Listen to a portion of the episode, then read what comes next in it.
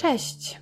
Witam Was w czwartym odcinku podcastu Piżo i Penda, w którym opowiadam historię z Bułgarii. Z moich notatek wynika, że dzisiejszy odcinek będzie dłuższy niż dwa poprzednie, ale ta historia na to zasługuje. Już od dawna chciałam zgłębić historię Georgiego Markowa i ponad tydzień temu, gdy wybierałam temat kolejnego odcinka, stwierdziłam, że to jest ten czas. Według Deutsche Welle ponad połowa młodych Bułgarów nic nie wie o zabójstwie Markowa. A to właśnie to wydarzenie było jednym z najbardziej zagadkowych zamachów z okresu zimnej wojny. W ostatnich tygodniach coraz częściej słyszymy to pojęcie. I myślę, że do tych historii, zwłaszcza teraz, warto wracać. A historia Markowa i jego zabójstwa spokojnie mogłaby być scenariuszem jakiegoś filmu szpiegowskiego. Jeżeli kogoś interesują takie tematy, jestem przekonana, że będzie chciał ją zgłębić po tym podcaście. Ja na tym wątku szpiegowskim aż tak nie będę się skupiać, choć wiem, że to właśnie on sprawia, że ta sprawa jest tak znana. Po pierwsze, jakoś nigdy nie byłam fanką takich tematów, na przykład nigdy nie oglądałam żadnego Bonda. A po drugie, to jest tak złożona, zagmatwana historia, że momentami trudno mi było prześledzić każdy wątek. Ale oczywiście nie da się uniknąć tego tematu, więc będzie o tajnych służbach, opowiem też o samym Markowie, o tym, dlaczego dla niektórych jest niejednoznaczną postacią. Powiem o tak zwanym bułgarskim parasolu i rozwieję kilka mitów, które powstały wokół tej sprawy. Na początku filmu z 2012 roku w reżyserii Klausa Dexela Uciszony Georgi Markow i zabójstwo parasolem możemy zobaczyć następujące słowa. Ten film opowiada historię Georgiego Markowa i to, jak został zamordowany w czasie zimnej wojny. Historię, która z innymi zabójcami i ofiarami, ale podobnymi motywami, mogłaby się powtórzyć nawet dziś. To nie jest jedynie opowieść o bułgarskim pisarzu zamordowanym z powodów politycznych. To o wiele bardziej uniwersalna historia, zwłaszcza w tym czasie, w którym mówi się o propagandzie, wolności słowa, odpowiedzialności dziennikarskiej, o tym, czym jest wolność. Georgi Markow wiele lat mierzył się z tymi kwestiami. Nie milczał, zadawał pytania i starał się na nie odpowiedzieć. I dziś, ponad 40 lat od jego śmierci, wszystko to jest nadal aktualne. 7 września 1978 roku bułgarski pisarz mieszkający od kilku lat w Londynie przechodzi przez most Waterloo. Chce przeparkować samochód, który zostawił pod południową częścią mostu, bo pod budynkiem BBC, w którym pracuje, nie było miejsca. W pewnym momencie zdarza się przypadkowo, jak wtedy myśli, z nieznanym mężczyzną. Czuje minimalne okłucie z tyłu na prawym udzie. Mężczyzna upuszcza parasol, szybko go jednak podnosi i z wyraźnym obcym akcentem mówi, że przeprasza. Szybkim krokiem odchodzi i łapie taksówkę. Cztery dni później Georgi Markow umiera w londyńskim szpitalu. Poznajmy naszego bohatera. Kim był Georgi Markow? Georgi urodził się 1 marca 1929 roku w dzielnicy Sofii, Kniarzewo. Jego mama Rajka i ojciec Iwan mieli trzech synów. Georgi był najstarszy. Potem był dwa lata młodszy Nikoła. Najmłodszy Wasił zmarł, gdy Georgi miał 21 lat. Georgi już od dziecka interesował się książkami. Czytanie było jego największą pasją. Chyba nie miał jednak wsparcia ze strony rodziców, przynajmniej ojca. Wnioskuje to po opowieści jego kuzyna, który wspomina, że po kolejnym razie, gdy ojciec Georgiego przyłapał go nad ranem na czytaniu, rozzłoszczony, że zamiast spać jak człowiek, zarywa noce, spalił jego książki. Swoją drogą pomyślałam sobie, jak e, właśnie jego kuzyn opowiadał to w jednym filmie dokumentalnym, że to jest fascynujące. Jak wielką można mieć miłość do książek, do literatury, po prostu tak od urodzenia. I nie jest potrzebna do tego żadna zachęta ze strony innych, i nawet jeżeli pojawiają się jakieś e, przeszkody, tak jak w tym przypadku, to i tak ta miłość e, jest w stanie się rozwinąć. Ale to tak na marginesie. Chłopak skończył szkołę i zaczął studiować, co ciekawe, pewnie dlatego, że to bardziej praktyczne, chemię w Ruse. Ruse to jest miasto w Bułgarii e, przy Dunaju. Niestety zaraz po rozpoczęciu studiów rozchorował się na gruźlicę. Choroba ta ciągnęła się za nim prawie 10 lat. Raz było lepiej, raz gorzej, ale wiele miesięcy spędził w sanatoriach. Miał wtedy dużo czasu na swoje ulubione zajęcie, czyli czytanie i pisanie. Mimo choroby udało mu się skończyć studia. E, w Rusce ten oddział chyba zamknięto i przeniósł się do Sofii. I od razu po studiach w 1952 roku rozpoczął pracę, jak przystało na te czasy. Pracował w fabryce Pobeda, czyli zwycięstwo. Nazwa też jak najbardziej odpowiednia do, do czasów. To tę fabrykę właśnie opisze potem w powieści Mrze, Mężczyźni, dzięki której zdobędzie uznanie. Tak na marginesie to jest jedyne jego dzieło, które zostało przetłumaczone na język polski już w 1965 roku, zapewne na fali popularności w komunistycznej Bułgarii. W 1953 roku, gdy pracuje w fabryce i aktywnie próbuje swoich sił jako pisarz, bierze ślub z sąsiadką z Kniarzewa, Despiną Panajotową. Ich małżeństwo trwa jednak tylko kilka lat, bo podczas kolejnego już pobytu w sanatorium Georgi poznaje zdrawkę lekową. Rozwodzi się z Despiną, bierze ślub ze zdrawką. To małżeństwo też nie trwa długo. Nie znalazłam dokładnej informacji, kiedy się rozpadło, ale nie trwało chyba więcej niż 5 lat. Już od lat 50. Markow próbował swoich sił jako pisarz. Jego brat wspomina, że tylko to zajmowało jego głowę. Ale dopiero książka Mężczyźni, wydana w 1962 roku, staje się znana. Dzięki niej otrzymuje nagrodę Związku Pisarzy i zostaje do niego przyjęty bez czekania w kolejce, jak to zwykle bywało. Potem jego kariera nabiera tempa. Wydaje kilka książek, pisze też scenariusze sztuk, które są wystawiane w teatrach w całym kraju. Staje się częścią kręgu, który był bliski Todorowi Żywkowowi. Kim był Żywkow? Jestem przekonana, że osoby, które interesują się Bułgarią czy też historią, na pewno wiedzą, ale dla wszystkich osób, które nie mają pojęcia, Todor Żywkow był sekretarzem generalnym Komitetu Centralnej Bułgarskiej Partii Komunistycznej, innymi słowy, był po prostu przywódcą Ludowej Republiki Bułgarii. Żywkow lubił mieć w swoim towarzystwie tak zwaną inteligencję, czyli młodych i ambitnych artystów. I przez te kilka lat, od 1962 roku, kiedy stał się częścią Związku Pisarzy, Marków najzwyczajniej w świecie korzystał z uroków bycia w tym kręgu. Podobno miał ładny dom, miał nowoczesny samochód BMW i mógł, oczywiście pod pewnymi warunkami, wyjeżdżać za granicę. Był młody i uprzywilejowany. Miał więcej wolności niż zwykli obywatele, ale i ta swoboda miała swoje granice. Jak powiedział jeden z bułgarskich redaktorów Radia Wolna Europa, który pracował później z Markowem, niebezpiecznie jest zachowywać się jak wolny człowiek w zniewolonym państwie. A Markow tej wolności potrzebował. Georgi stopniowo zaczął widzieć rysy na obrazie systemu, w którym przyszło mu żyć. Pierwszy zawód przeżył, gdy w 1967 roku bez podania przyczyny zdjęto jego sztukę. Jak wspaniale jest być pisarzem w Bułgarii. Wystarczy nie pisać, napisał Georgi później. Mimo wszystko nadal był cenionym pisarzem. Pod koniec lat 60.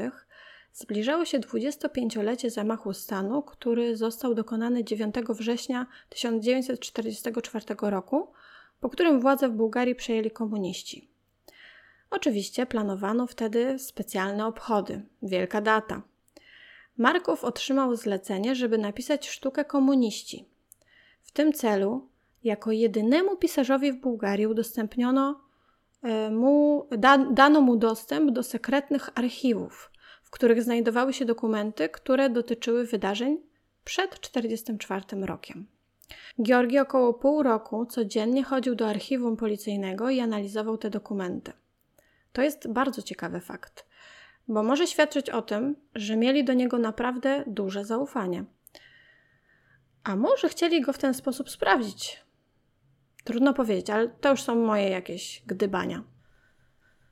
Można powiedzieć, że ten okres był dla Markowa przełomowy, bo treści, które poznał, go zszokowały. Komuniści, których poznał jeszcze w szkole jako bohaterów, działających dla idei, okazali się być naiwnymi, samotnymi, zwykłymi ludźmi. Zrozumiał też, że w komunistycznej hierarchii ci, co stoją wyżej, są w stanie poświęcić życie tych, co stoją niżej, bez mrugnięcia okiem, dla jakichś ideałów, które nie mają nic wspólnego z rzeczywistością, podczas gdy swojego życia nie poświęciliby nigdy. Ten czas spędzony nad tymi dokumentami w pewien sposób otworzył mu oczy. Pozwolił spojrzeć na świat wokół niego z innej strony. I tutaj chciałabym się na chwilę zatrzymać. Markow bardzo często jest krytykowany za ten okres, w którym powiedzmy to bezpośrednio pisał na zlecenie komunistów.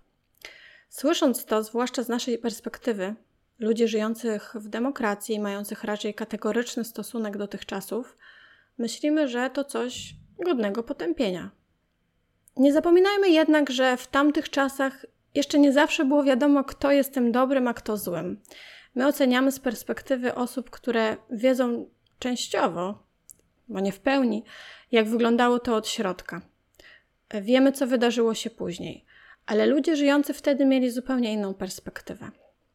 Mnie ta historia uczy, że nie powinniśmy tak zero-jedynkowo i kategorycznie oceniać ludzi, y, ich zachowań, którzy żyli w przeszłości, zwłaszcza w tych czasach, no bo nic nie jest czarno-białe. Nie jest możliwe, żebyśmy my spojrzeli oczami tych ludzi na ich teraźniejszość, ich realność i to, jak w ich oczach wyglądał tamten świat. Ale się zakręciłam. Ale wiecie o co chodzi. Wróćmy jednak do Markowa. Markow napisał tę sztukę, ale nie, nie kierował się tym, co chcieliby otrzymać zleceniodawcy, a napisał ją tak, jak on tego chciał. I nie spodobała im się. Obwinili go, że jej głównym bohaterem jest kierownik policji Nikoła Gieszew, który walczył z partią komunistyczną, a nie są nimi komuniści, którzy wtedy zginęli i są uznani za bohaterów. Sztuka nie została oczywiście przyjęta, z teatrów ściągnięto też inną sztukę Markowa. Mniej więcej w tym samym czasie wstrzymano też wydanie jego książki Dach. Georgi czuł się rozgoryczony, a jego znajomy przekazał mu, że dowiedział się, że lepiej, żeby zniknął, przynajmniej na jakiś czas. Postanowił więc odwiedzić swojego brata Nikołę, który mieszkał we Włoszech. Był czerwiec 1969 roku. Georgi opuścił kraj legalnie swoim samochodem, udając się najpierw do Jugosławii, a potem do Włoch. Nikoła, jego brat, mieszkał tam już sześć lat. Wyjechał i nigdy nie wrócił. Gdy Georgi przybył do brata, powiedział mu, że jego sytuacja w Bułgarii nie jest kolorowa i zostanie u niego, aż sprawy się jakoś ułożą. Bardzo zaciekawił mnie wątek jego brata, ale nie znalazłam o nim wielu informacji. W 1963 roku wyjechał do kogoś z rodziny we Włoszech i złożył tam wniosek o azyl polityczny. Dwa lata później udało mu się nielegalnie sprowadzić swoją żonę i córkę z pomocą znajomych z Włoch i Serbii. W tym samym czasie jego brat Georgi był u szczytu swojej kariery w Bułgarii. I ja się zastanawiałam, jak to jest możliwe. Nikoła powiedział w jednym wywiadzie, że Georgi nigdy nie przyjmował istoty reżimu. Więc ja rozumiem to w ten sposób, że bracia mieli po prostu zupełnie inne zdania. Wydaje mi się to bardzo ciekawe. Mimo wszystko byli ze sobą blisko, mieli cały czas kontakt. Georgi na tym etapie nie miał zamiaru emigrować jeszcze. On naprawdę kochał Bułgarię, ale Bułgaria, a właściwie jej rządzący, postanowili mu ten powrót uniemożliwić. Już kilka tygodni po tym, jak wyjechał do Włoch, w Sofii rozeszły się plotki, pogłoski, że zdecydował się pozostać za granicą i nie ma zamiaru wracać. Niektórzy mówili, że wyrzucił paszport albo że pracuje dla włoskiej telewizji. Zaczęto zabraniać czytania jego książek, usuwano sztuki, które by były wystawiane w teatrach, a w końcu rozpoczęto przeciwko niemu proces. W 1970 roku Markow przeprowadził się do Londynu. Jego początki tam nie były łatwe. Mieszkał w małym mieszkaniu z Theo Lirkowem, który pracował dla BBC. Theo uciekł z Bułgarii już w latach 50. i był w wielu obozach emigracyjnych w Turcji, Grecji, we Włoszech. Pracował też jako robotnik budowlany w Australii i przeżył tam wypadek, po którym amputowano mu prawą nogę. Za pieniądze z odszkodowania wyjechał do Londynu w którym wiele lat pracował w bułgarskiej sekcji BBC. Od 1972 roku w radiu BBC pracował też Georgi. I to brzmi tak dumnie, prawda? Pracować dla BBC. Ale tak naprawdę pensje były bardzo niskie. Brat Georgiego wspomina, że w tych najtrudniejszych momentach Markow i Lirkow gotowali wielki garnek zupy fasolowej, którą jedli cały tydzień. Georgi zarabiał 350 funtów, a w tym czasie wynajęcie mieszkania jednopokojowego wynosiło 500 funtów. Nie było mu łatwo, zwłaszcza, że w Bułgarii nie musiał się martwić o pieniądze, więc był przyzwyczajony zupełnie do innego życia. Dopiero jak zaczął pracować dla Deutsche Welle i potem Radia Wolna Europa, mógł sobie pozwolić na, na lepsze życie. W redakcji BBC Georgi poznaje młodszą od niego o 13 lat Annabel Dilk. Zakochują się w sobie i biorą ślub w 1975 roku. Rok później rodzi się ich jedyna córka, Sasza. Anabel mówi, że Georgi zauroczył ją swym głosem. Mówił z akcentem, ale miał bogate słownictwo i wspaniale przekładał swoje myśli na słowa, mimo że angielski był e, językiem obcym dla niego. Był bardzo towarzyski, lubił zapraszać gości. Na większości zdjęć, które można zobaczyć, ma wielki, szeroki, szczery uśmiech na twarzy. Według mnie był bardzo przystojnym mężczyzną. Podobno świetnie gotował, dużo mówił, miał wielki dar opowiadania, był zabawny, rozśmieszał bliskich do łez i był wielkoduszny. Jego koledzy natomiast, koledzy z pracy, wspominają, że wyróżniał się spośród innych. Był wielkim profesjonalistą i naprawdę był bardzo utalentowany. Miał świetne poczucie humoru i potrafił śmiać się sam z siebie. Lubił się chwalić, ale to były takie przechwałki w stylu potrafię zabić muchę w locie. Anabel mówiła, że Georgi bardzo tęsknił za Bułgarią. Marzyło mu się, żeby pojechać tam choćby na jeden dzień, tak żeby nikt się o tym nie dowiedział. Chciał spotkać się z rodzicami i zamówić sarmiczki w ulubionym miejscu. A sarmiczki to jest takie e, tradycyjne bułgarskie danie. To są takie małe gołąbeczki, gołąbki zawijane w liście winogron albo kapusty kiszonej, bo w Bułgarii kapustę kisi się w całych główkach. Bardzo pyszne. E, tak na marginesie.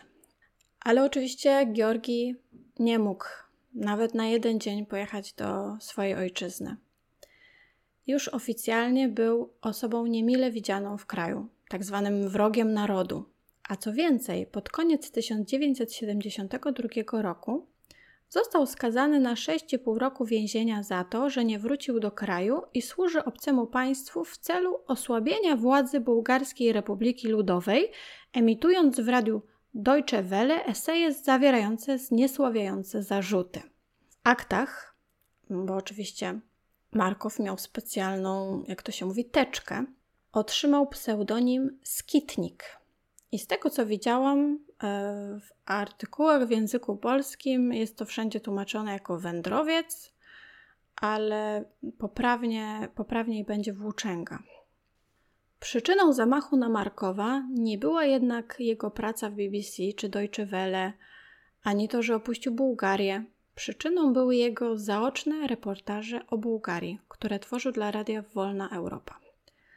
Radio Wolna Europa było w tym czasie demokratycznym głosem w językach krajów, w których swobodny przepływ informacji był zakazany przez organy rządowe.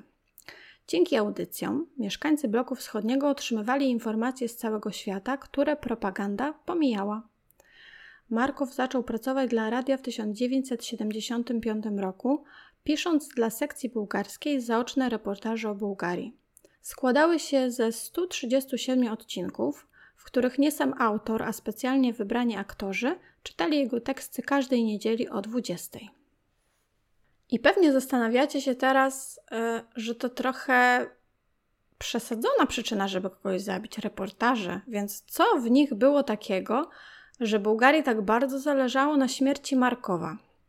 Georgi pisał w nich to, o czym wszyscy wiedzieli, ale nikt nie mówił tego bezpośrednio. To było coś nowego, coś innego niż do tej pory. Reportaże pokazywały Bułgarię jako kraj ze skorumpowanym i represyjnym systemem. Były oknem na świat dla wszystkich Bułgarów żyjących w reżimie. I teraz najważniejsze, Markow znał Żywkowa osobiście. miał dostęp do jego bliskiego kręgu, do dokumentów, do ważnych dokumentów. Tym bardziej mógł uderzyć w bolesne miejsca. Ujawniał kompromitujące i ośmieszające fakty. Czarę goryczy przelała składająca się z 11 odcinków satyryczna seria Osobiste spotkania z Todorem Żywkowem, w których Markow nazwał go drobnym dyktatorem z niedorozwiniętym poczuciem humoru. Żywkow, jak chyba każdy dyktator, był wyjątkowo czuły na wszelkie żarty związane z nim bezpośrednio. Ja nie czytałam tych reportaży, niestety, ale podobno Markow potrafił wspaniale opisać prymitywność, snobizm i ogólnie charakter Żywkowa, jego istotę. Trudno ocenić, jak wiele osób słuchało programów Markowa, ale jego reportaże były bardzo popularne. Pewne jest też, że członkowie biura politycznego regularnie ich słuchali. I teraz przenieśmy się ponownie do 7 września 1978 roku. To był czwartek. Markow miał popołudniową zmianę i zaparkował pod mostem Waterloo, dlatego że o tej porze miejsca obok e, Bush House, budynku, w którym mieściło się radio BBC, były zajęte. Po pierwszej audycji Około 18.30 Markow poszedł po swój samochód, żeby zaparkować go przed budynkiem BBC. O tej godzinie wielu pracowników wróciło już do domu, więc były już wolne miejsca. W drodze na parking, gdy przechodził przez most, zderzył się z nim przechodzień, który upuścił parasol. Po tym pozornie niewinnym incydencie Przechodzień przeprosił kiepską angielszczyzną z obcym akcentem, podniósł szybko opuszczony parasol, zatrzymał jedną z przejeżdżających taksówek, prawdopodobnie zszedł po schodach i tam ją zatrzymał i odjechał. Markow poczuł lekki ból w tylnej części prawego uda. Wtedy wydawało mu się, że przechodzień dźgnął go przez przypadek parasolem. Opowiedział o całym zajściu swojemu przyjacielowi Teo Lirkowowi, który miał zmianę razem z nim. Markow zdjął nawet dżinsy, pokazał mu bolące miejsce. Teo zauważył miniaturową plamę świeżej krwi o średnicy około 2 mm. Obaj stwierdzili, że to nic nieznaczący incydent. Można znaleźć różne wersje tej historii i najczęściej spotykałam informacje, zwłaszcza w tekstach w języku polskim, chyba nawet wszędzie jest tak napisane, wydaje mi się, że nawet na Wikipedii jest tak napisane, że Markow został ugodzony, gdy czekał na przystanku autobusowym. Natomiast wersja, którą ja Wam teraz przedstawiam, pochodzi z dokumentów Scotland Yardu i opiera się na zeznaniach Teo Lirkowa, który był pierwszą osobą, z którą Georgi rozmawiał po wydarzeniu. Więc wydaje mi się, że to jest ta prawdziwa wersja. Gdy skończyli zmianę, Teo zaproponował, żeby poszli na piwo, ale Georgi powiedział, że nagle zrobiło mu się niedobrze i woli wrócić do domu. Mężczyźni mieszkali blisko siebie, więc wrócili samochodem Georgiego razem. Około 10.30 Georgi pojawił się w domu. Razem z Anabel zjadł kolację, ale nic nie wspomniał żonie o incydencie. Nie powiedział też, że źle się czuje. Być może nie chciał jej martwić. Może myślał, że to chwilowe i rano wszystko będzie ok, albo wręcz przeciwnie. Georgi był inteligentnym człowiekiem. Może zaczął przeczuwać, że incydent i jego nagłe, złe samopoczucie są ze sobą związane i wolał przynajmniej na razie zachować to dla siebie. Georgi miał wstać o 3.30 w nocy, bo miał mieć poranną audycję w BBC. Położył się więc spać w oddzielnym pokoju, żeby jego żony nie obudził budzik. Około drugiej w nocy Anabel usłyszała jednak, że jej mąż chodzi po domu. Wstała i spotkała męża, który wyglądał już bardzo, bardzo źle. Okazało się, że miał 40 stopni gorączki. Postanowili, że zadzwonią do kolegi Georgiego, aby przejął jego zmianę. Zmartwiona Anabel zadzwoniła do lekarza, ale odmówiono jej wizyty i polecono, żeby podać aspirynę. Anabel została z mężem i dopiero wtedy Georgi powiedział jej o incydencie z parasolem. Mówił, że wydawało mu się, że mężczyzna upuścił parasol, żeby ukryć swoją twarz. Dodał też, że mężczyzna był chyba obcokrajowcem. Wydawało mu się, że nie może się dogadać z kierowcą taksówki, do której wsiadł. Anabel obejrzała ranę i zobaczyła małą czarną dziurkę wielkości końcówki długopisu. Wtedy też Georgi powiedział jej, że boi się, że może wydarzyło się to, czego się zawsze obawiał, że był to celowy atak agentów bułgarskiego rządu. Następnego dnia Anabel poszła do pracy, a kiedy wróciła do domu o 17.30 stwierdziła, że stan męża jeszcze bardziej się pogorszył. Temperatura nadal była wysoka, Georgi się cały trząsł, nie był w stanie mówić. Często wymiotował. Tego samego wieczoru został przewieziony karetką do szpitala St. James. Bernard Riley, wtedy młody lekarz pracujący w, od, na oddziale ratunkowym, wspomina, że Markow był cały czerwony, oddychał płytko i przede wszystkim widać było, że był bardzo przejęty swoim stanem. Wiedział, że dzieje się z nim naprawdę coś złego. W pewnym momencie wziął głęboki oddech, zaśmiał się i powiedział: Zostałem otruty przez KGB i umrę. Nie możecie nic zrobić. Lekarza zdziwiły te słowa. Zastanawiał się, czy to prawda, czy przed nim siedzi jedynie paranoiczny uciekinier z bloku socjalistycznego. Riley dobrze pamięta jego spojrzenie. Na początku nikt mu nie wierzył, a on bardzo chciał, żeby ktoś go wysłuchał. Markow opowiedział mu wtedy historię o dziwnym zderzeniu na moście i o tym, że poczuł ukłucie i od tego momentu zaczął czuć się źle. Wtedy nie wspominał nic o parasolu. Lekarz stwierdził, że rzeczywiście Markow miał symptomy zatrucia lub jakiejś infekcji. Na jego udzie znajdował się zaczerwieniony około już 6-centymetrowy okrąg z miniaturową mm, raną w środku, która miała od 1 do 2 mm. Zlecono mu różne badania, jednak z godziny na godzinę jego stan się pogarszał. 10 września nerki przestały pracować. Głowa Georgiego była spuchnięta, a jego głos był prawie niesłyszalny. Ale Teo Lirko wspomina potem, że cały czas powtarzał Teo, te gady mnie otruły. 11 września wystąpiła ostra niewydolność serca. W jego ostatnich minutach życia była przy nim jego żona Anabel. Potem wspominała, że na chwilę odzyskał przytomność. Widziała, że jego wola życia była ogromna. Prosiła go, żeby żył dla Saszy. Niestety, Georgi Markow umiera 11 września 1978 roku, cztery dni po zamachu, który był dokładnie dniem urodzin Todora Żywkowa. Scotland Yard, czyli policja londyńska, została wezwana już następnego dnia po przyjęciu Georgiego w szpitalu. Udało im się więc z nim porozmawiać. Do szpitala przybyli też agenci z brytyjskich tajnych służb, ale wtedy Georgi był już nieprzytomny. Zaraz po zgonie wykonano autopsję, którą przeprowadził doświadczony dr Rufus Crompton. Sekcja zwłok nie wykazała jednak konkretnej przyczyny. Zauważono zmiany w organach, węzły chłonne znajdujące się blisko miejsca wkłucia były powiększone. We wszystkich organach doszło do krwotoków. Dr Crampton chciał zbadać miejsce wkłucia, ale bojąc się, że może je w jakiś sposób uszkodzić, niszcząc w ten sposób ważne dowody, przekazał ciało do zbadania w Porton Down. To jest park naukowy, który jest znany z tego, że to jedna z najbardziej tajnych wojskowych placówek badawczych w Wielkiej Brytanii.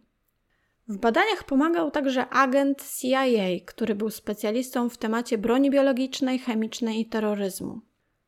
Z rany wyjęto miniaturową kulkę, która była zrobiona z platyny i irydu, głównie platyny. Ze względu na małe rozmiary, bo jej średnica wynosiła 1,7 mm, więc możemy sobie wyobrazić, jak maluteńka była ta kulka, było bardzo trudno ją zbadać. Kulka miała dwie małe dziurki, w których, jak podejrzewano, znajdowała się trucizna.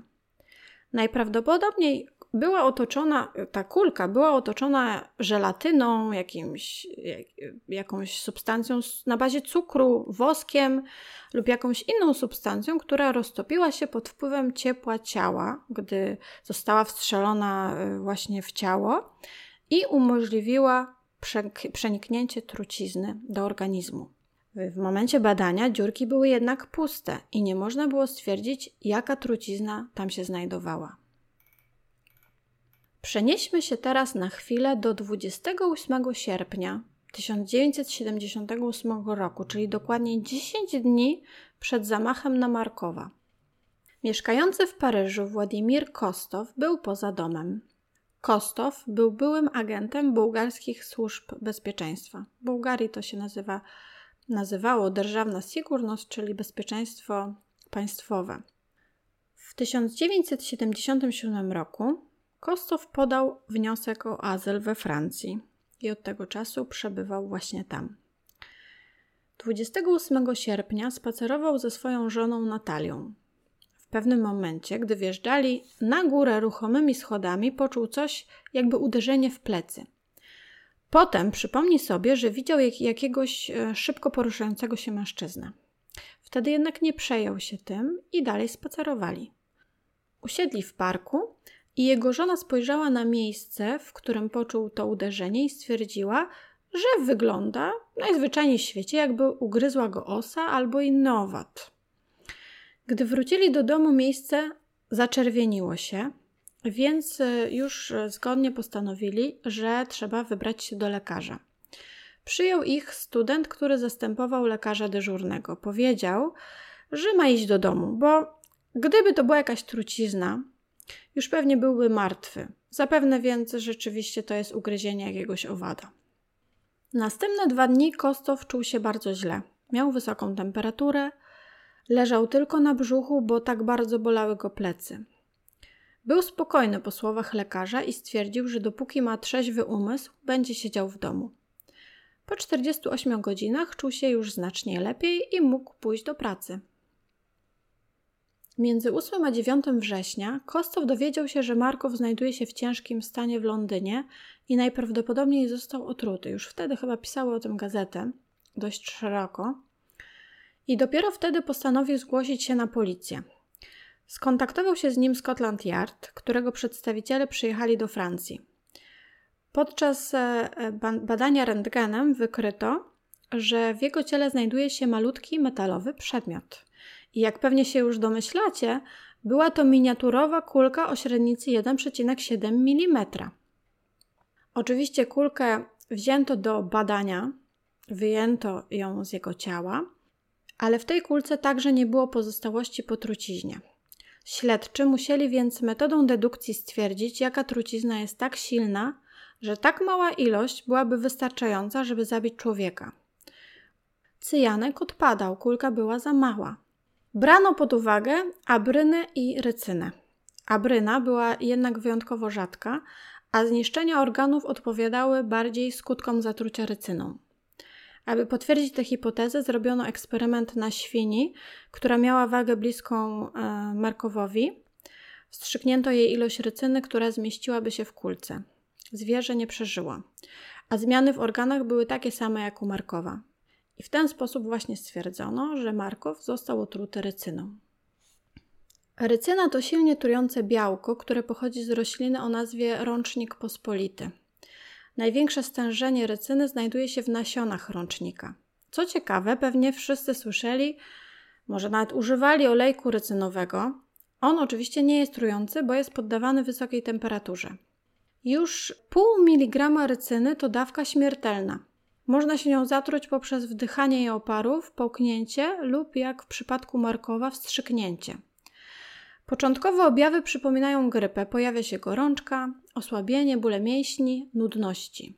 Z czasem dochodzi do zmian we wszystkich tkankach organizmu, w efekcie czego w ciągu kilkudziesięciu godzin lub kilku dni następuje śmierć. I jest to bolesna śmierć, a na tę truciznę nie ma żadnego antidotum. Zamach na Markowa to najgłośniejsze użycie rycyny w celu zabicia kogoś. Ale wróćmy teraz na chwilę do Kostowa, bo on w sobie też miał taką kulkę i na pewno zastanawiacie się, jak to możliwe, że on przeżył. Jeden z agentów e, Scotland Yardu powiedział mu, że to cud. Ale jest taka hipoteza, która pojawiła się w książce rosyjskiego dziennikarza, że najzwyczajniej w świecie dokonano błędu w obliczeniach i w kulce znajdowała się zbyt, małka, zbyt mała dawka. Z pewnością Kostow miał wielkie szczęście. Kostow twierdzi, że wiedział, że wszystko może się wydarzyć, ale nigdy nie otrzymał takiego bezpośredniego ostrzeżenia, że grozi mu śmierć. W przypadku Markowa było jednak inaczej. Pod koniec swojego życia Georgi był bardzo ostrożny. Uważał, z kim rozmawia, z kim się przyjaźni. Nie zapraszał do domu nikogo, komu nie ufał na 100%. Nie czuł się pewnie nawet w pracy. Jego kolega z BBC wspomina, że pewnego dnia zapytał go, dlaczego, gdy ma nocną zmianę, pracuje w sekcji niemieckiej, a nie bułgarskiej, która znajdowała się na innym piętrze, zaraz obok sekcji rosyjskiej. Markow odpowiedział mu, że nie czuje się tam bezpiecznie. Jego kolega trochę się wtedy zdziwił, ale nie wiedział o tym, że Georgi otrzymywał informację, że w Sofii podpisano już, oczywiście w przenośni, jego akt skonu. I tutaj pojawia się bardzo ciekawy wątek. Zaraz wyjaśnię, dlaczego ciekawy według mnie. Na początku 1978 roku, około 8 miesięcy przed zamachem, brat Georgiego, Nikoła, który jak mówiłam wcześniej mieszkał we Włoszech, otrzymał telefon od swojego znajomego z Bułgarii, Lubena Konstantinowa. Nikoła zajmował się filatelistyką, czerpał z tego dochody. Nie wiem dokładnie na czym e, polegała tego, polegało tego zajęcie, natomiast e, Lubena Konstantinowa właśnie poznał y, dzięki temu, że sprzedawał mu wartościowe znaczki.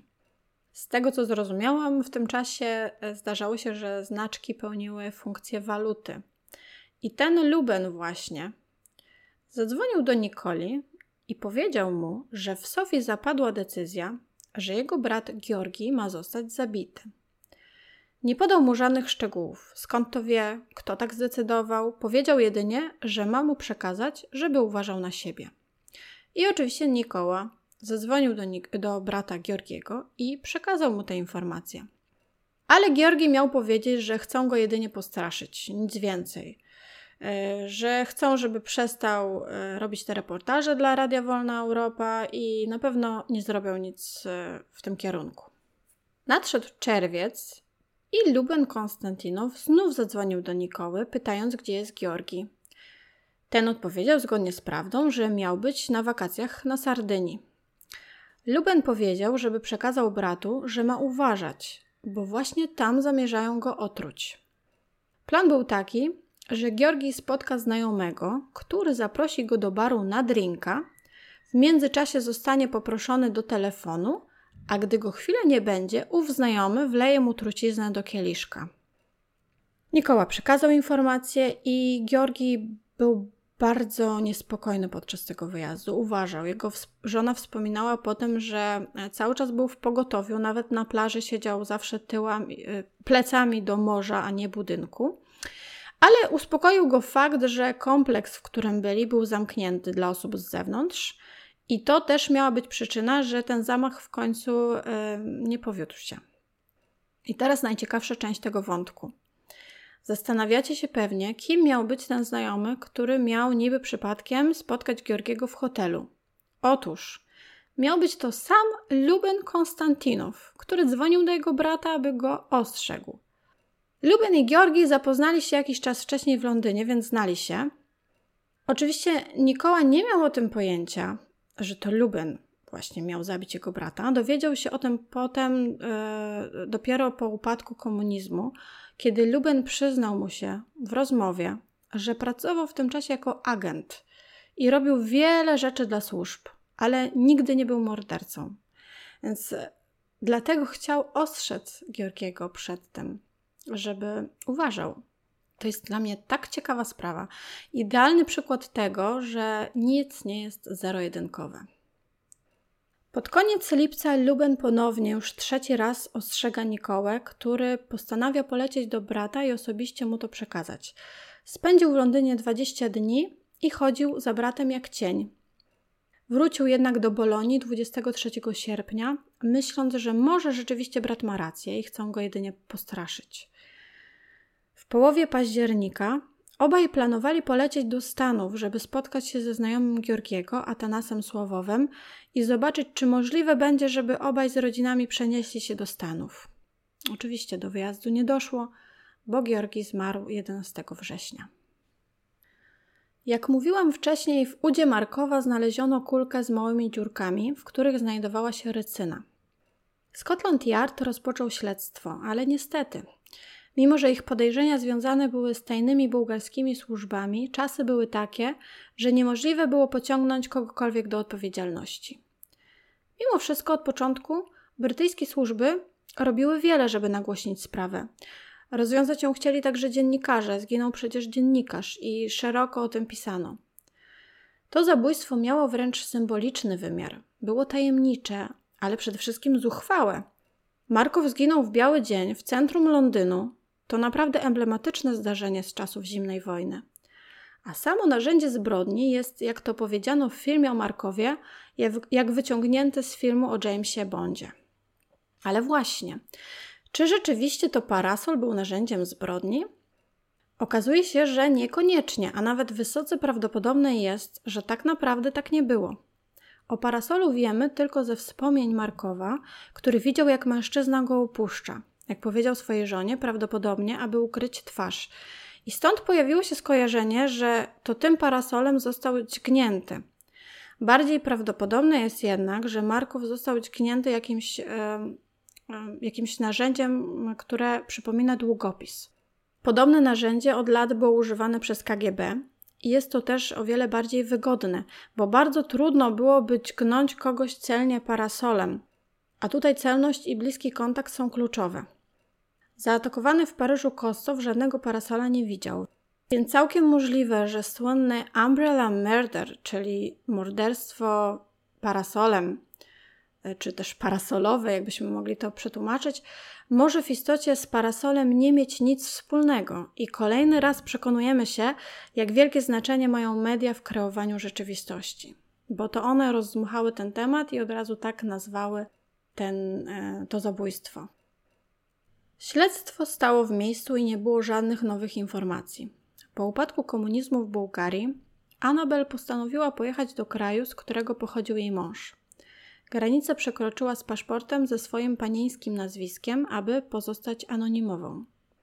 Kilka dni później oglądała w jakimś programie e, telewizyjnym jakiś program, w którym źle mówiono o jej zmarłym mężu. To ją bardzo rozzłościło i poprosiła kuzyna Georgiego Lubena, który jej pomagał, żeby zorganizował wywiad w radiu. Powiedziała w tym wywiadzie, że Bułgaria musi zamknąć tę sprawę i powiedzieć prawdę. 10 stycznia 1990 roku Anabel została zaproszona na rozmowę przez Aleksandra Liłowa, sekretarza partyjnego. Ich rozmowa trwała godzinę. Liłow był bardzo miły, kulturalny, Powiedział jej, że jest miłośnikiem twórczości Markowa i z ubolewaniem stwierdził, że w tym czasie w Bułgarii działy się rzeczy, które nie powinny. A w tym samym momencie, dokładnie tego samego dnia, 10 tomów dokumentów związanych z Georgiem Markowem zostało zniszczonych. Bułgarska prokuratura rozpoczęła swoje śledztwo na początku lat 90. Brak tych dokumentów znacznie je utrudnił, ale mimo wszystko udało im się dotrzeć do sedna sprawy. Bogdan Karajotow, jeden ze śledczych, znalazł informację o tajnym agencie bułgarskich służb, który mógł być fizycznym zabójcą. Nazywał się Francesco Gulino, pseudonim Piccadilly. Gulino był włoskim drobnym przemytnikiem, który został złapany w 1971 roku w Bułgarii za kontrabandę. Bułgarzy zwerbowali go do służb i wyszkolili. Karajotow, śledczy z Bułgarii, przekazał informację o Gulino Scotland Yardowi. W 1993 roku brytyjska gazeta Guardian poinformowała, że był on przesłuchiwany przez policjantów z Wielkiej Brytanii, Danii i Bułgarii w stolicy Danii pod zarzutem udziału w zamachu na Markowa. Ujawniono, że są dowody na to, że pracował dla bułgarskiego wywiadu i przebywał w Londynie w dniu zamachu. Jednak nie istniały żadne konkretne dowody, że to on był zabójcą, więc go puszczono. Gulino wyjechał z Danii i ślad po nim zaginął. Trochę wcześniej, bo 5 kwietnia 1991 roku, miało miejsce inne ważne wydarzenie. W bułgarskiej telewizji wywiadu udzielił Oleg Kaługin. Kaługin i Oleg Gordijewski byli wysokimi rangą oficerami KGB, którzy uciekli w latach 80. na zachód i opowiadali tam wiele o działaniach KGB. Jeśli chodzi o sprawę Markowa, twierdzili, że zleceniodawcą zabójstwa były bułgarskie służby bezpieczeństwa, które zwróciły się do KGB o pomoc. Podobno nie byli oni chętni, ale bojąc się o złe odebranie odmowy i chcąc podkreślić przyjaźń bułgaro-sowiecką, zgodzili się, że pomogą technicznie, załatwią truciznę i narzędzie, którym będzie można ją zaaplikować. W 2005 roku bułgarski dziennikarz śledczy Christo Christow, który zajmuje się okresem komunistycznym, wydał książkę Zabijcie włóczęgę. Wtedy po raz pierwszy do opinii publicznej w Bułgarii trafiło nazwisko Gulino, który miał być właśnie fizycznym zabójcą Markowa. Christof zrobił ogromny research, znalazł kopie dokumentów, które zostały y, zniszczone i jego książka to ogromne źródło informacji. Niestety ja jej nie przeczytałam. Książka ma tysiąc stron, ale może kiedyś mi się uda. Korzystałam jednak ze strony internetowej, którą Christof stworzył i tam znajdują się fragmenty z tej książki. Jest też e, dla zainteresowanych i e, osób, które chciały przeczytać tę książkę, ale nie znają na przykład bułgarskiego, jest też jej trochę okrojona wersja w języku angielskim. Wnioski są więc takie. Zleceniodawcą zamachu są bułgarskie służby. Możemy powiedzieć Żywkow. Fizycznym zabójcą jest Gulino, a dostawcą trucizny i narzędzia zbrodni KGB. Mimo wszystko do dziś sprawa nie została oficjalnie rozwiązana, a co więcej, 11 września 2013 roku bułgarska prokuratura ogłosiła, że sprawa uległa przedawnieniu. Dlaczego tak się stało? Według Lubena Markowa, kuzyna Georgiego, który do dziś walczy o to, żeby sprawa otrzymała swój koniec, ilość zebranych dowodów jeszcze w latach 90. jest wystarczająca. Christo Christow, o którym mówiłam przed chwilą, autor książki Zabijcie włóczęgę, twierdzi, że byli agenci służb bezpieczeństwa mają jeszcze silną władzę w Bułgarii. Cały czas pociągają za sznurki. I nie chcą, żeby sprawa oficjalnie wyszła na jaw, aby zupełnie nie skompromitować tego okresu i przede wszystkim siebie. Jak wiemy, a niedawno dowiedzieliśmy się o tym jeszcze bardziej, w Bułgarii istnieje wielki sentyment do czasów komunizmu. I są osoby u władzy, a zwłaszcza teraz to się trochę zmienia na szczęście, ale 10-20 lat temu było takich osób jeszcze więcej. I tym osobom zależy na tym, żeby pokazywać historię w innym świetle. A zabójstwo Markowa mogłoby ten obraz zaburzyć. Więc najzwyczajniej w świecie Bułgarzy nie, chcą, nie chcieli wtedy do tego wracać. Znamienne jest to, że dzień, w którym zniszczono dokumenty związane ze śmiercią Markowa, jest dokładnie tym samym dniem, w którym Anabel przybyła do Bułgarii mając nadzieję, że sprawa śmierci jej męża zostanie w końcu rozwiązana. Naiwnie wierzyła, że Bułgaria w 1990 roku była innym państwem. Niestety daleko jej jeszcze było do demokracji. A dlaczego służby brytyjskie nie zakończyły tej sprawy, mimo że od samego początku wydawało się, że im na tym zależy? Na to pytanie starał się odpowiedzieć autor firm, filmu dokumentalnego um, Uciszony, to on, Klaus Dexel, po raz pierwszy stawia hipotezę, że mieli oni informacje jeszcze przed samym zamachem o tym, że on się może wydarzyć, ale zdecydowali się nie robić nic. Nie dążyli do zakończenia śledztwa, bo najzwyczajniej w świecie tajne służby, czy te na wschodzie, czy na zachodzie, to nie ma znaczenia, nie lubią odkrywać swoich kart i wolą chronić swoich tajemnic. I rozpad bloku wschodniego absolutnie nic nie zmienia. Wracając jeszcze do Gulino, jak już mówiłam, on był tajnym agentem bułgarskich służb. Ale pod koniec 1977 roku został aktywowany, przeszedł szkolenie i bardzo często wyjeżdżał do Londynu. Spał e, bardzo blisko miejsca, w którym Markow mieszkał. Po 1978 roku Gulino otrzymał medal za dobrze wykonaną pracę i od tego momentu do końca upadku komunizmu nie otrzymał nowych zadań, a mimo to ciągle otrzymał, otrzymywał pieniądze e, z bułgarskich służb i często był goszczony nad bułgarskim morzem.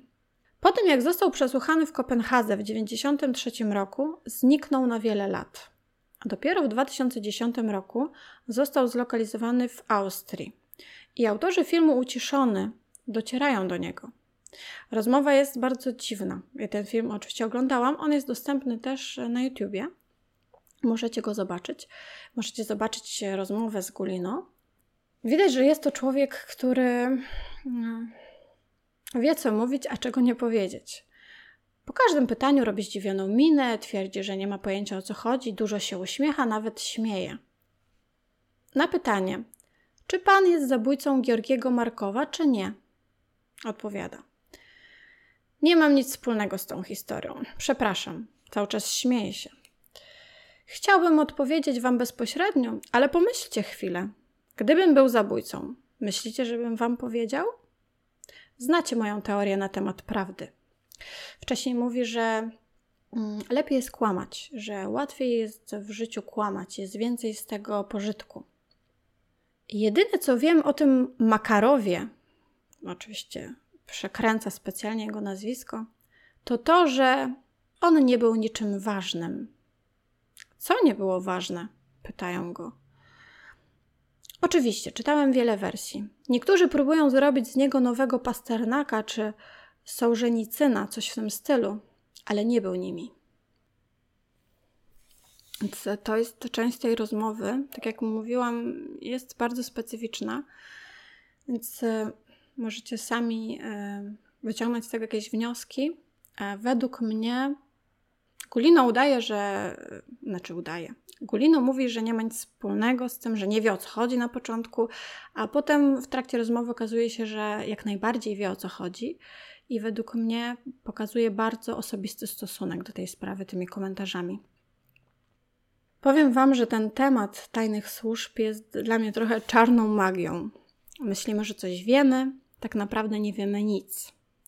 Na przykład Olek Gordiejewski, o którym wcześniej mówiłam, ten, który uciekł na zachód, agent KGB, był tak naprawdę podwójnym agentem. I ja niby wiem, że takie rzeczy się działy, one się ciągle dzieją, ale w mojej głowie takie rzeczy się dzieją tylko w filmach. I oczywiście to, że mamy tu do czynienia z agentami, szpiegami, wywiadami tajnymi służbami, zrodziło też wiele mitów na temat tej sprawy. Wszystko zaczęło się już po wyjeździe Markowa w 1969 roku. Pojawiły się słuchy, że nie uciekł z kraju, a został agentem i wysłano go na zachód, gdzie pracuje pod przykrywką. Po przemianach ustrojowych podobne podejrzenia rzucił na niego dziennikarz Georgi Tambuew, który stwierdził w 1991 roku, uwaga, z pomocą specjalnego programu komputerowego, że Markow był ściśle tajnym agentem wysokiej rangi. I z perspektywy czasu wiemy, że wnioski tego programu komputerowego można porównać do wniosków wróżbity, jak to napisano w artykule na stronie Wolna Europa. Ale wtedy, jak ktoś usłyszał, że stwierdzono tak za pomocą komputera, tak, w 1991 roku, to wydawało się, że to jest na pewno prawda. Pewien były agent bułgarskich służb bezpieczeństwa Dimitr Iwanow o pseudonimie, o ciekawym pseudonimie Mitio Gestapo, w jednej ze swoich książek twierdzi, że Georgi był podwójnym agentem zarówno bułgarskich służb bezpieczeństwa, jak i służb brytyjskich.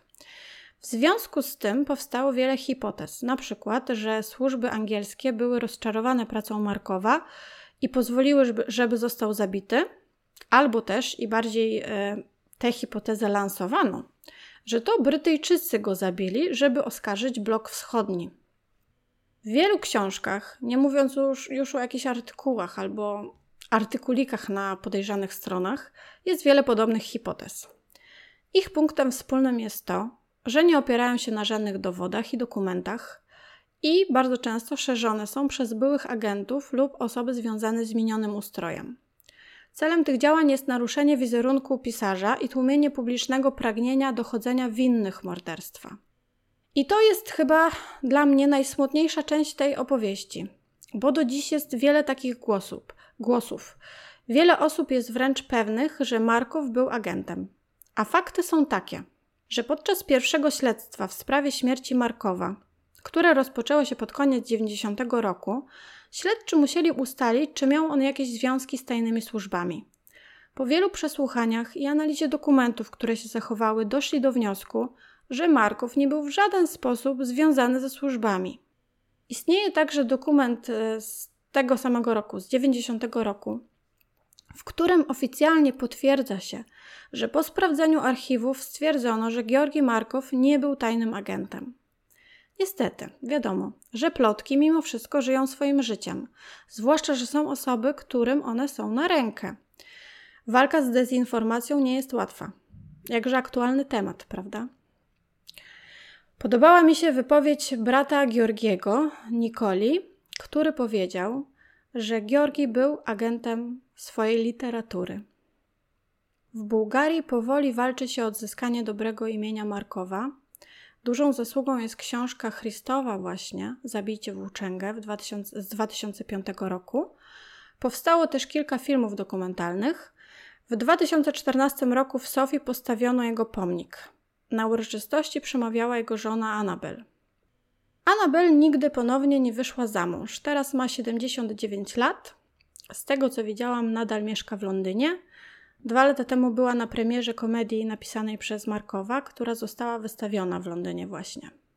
Córka Georgiego i Anabel, Aleksandra Rajna, nazywana Saszą, miała jedynie 3 lata, jak jej tata został zamordowany.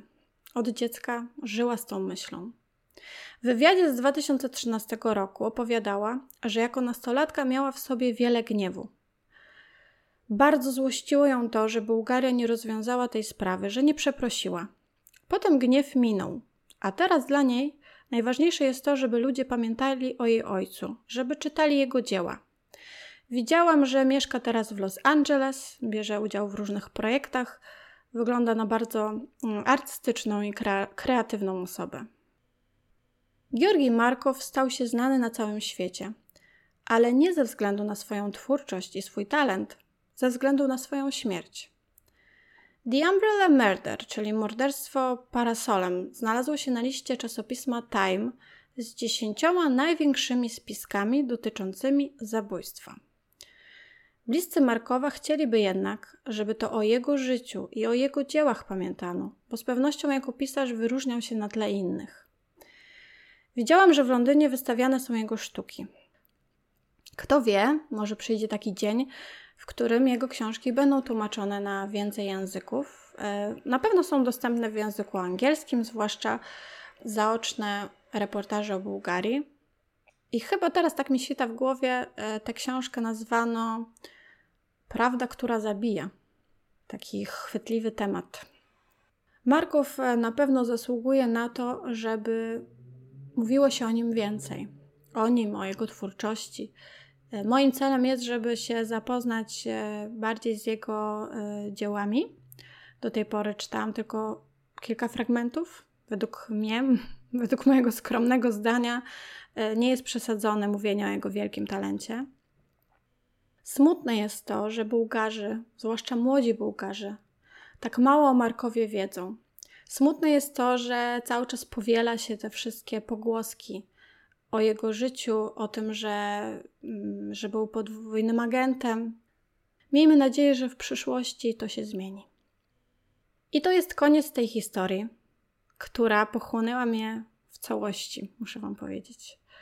Dość długo się przygotowywałam do tego podcastu, dłużej niż zwykle, ale no, na pewno jest to historia, jakich nie ma wiele Mam nadzieję, że Wam się podobał ten odcinek. Zachęcam do naciśnięcia przycisku subskrybuj na YouTubie, bo naprawdę pomoże mi to w rozwinięciu tego kanału. Możecie też, też skomentować na przykład. Algorytmy lubią takie rzeczy.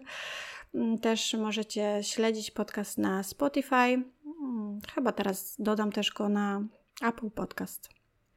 I stworzyłam również y, stronę na Facebooku. Nazywa się Piżo i Penda Podcast. Na moim Instagramie y, zamieszczę link do tej strony. Także jeżeli ktoś ma ochotę, to serdecznie zapraszam do tej grupy, bo na razie jestem tam tylko ja i Malwina, którą serdecznie pozdrawiam. Także na razie tam się nic ciekawego jeszcze nie dzieje, ale jak będzie więcej osób, będzie można jakąś dyskusję rozpocząć. Myślę, że zamieszczę teraz może jakieś zdjęcia, linki y, na tej grupie. Oczywiście w źródłach na YouTubie też pojawią się wszystkie źródła, z których korzystałam. Dziękuję Wam jeszcze raz. Życzę Wam miłego dnia i do usłyszenia.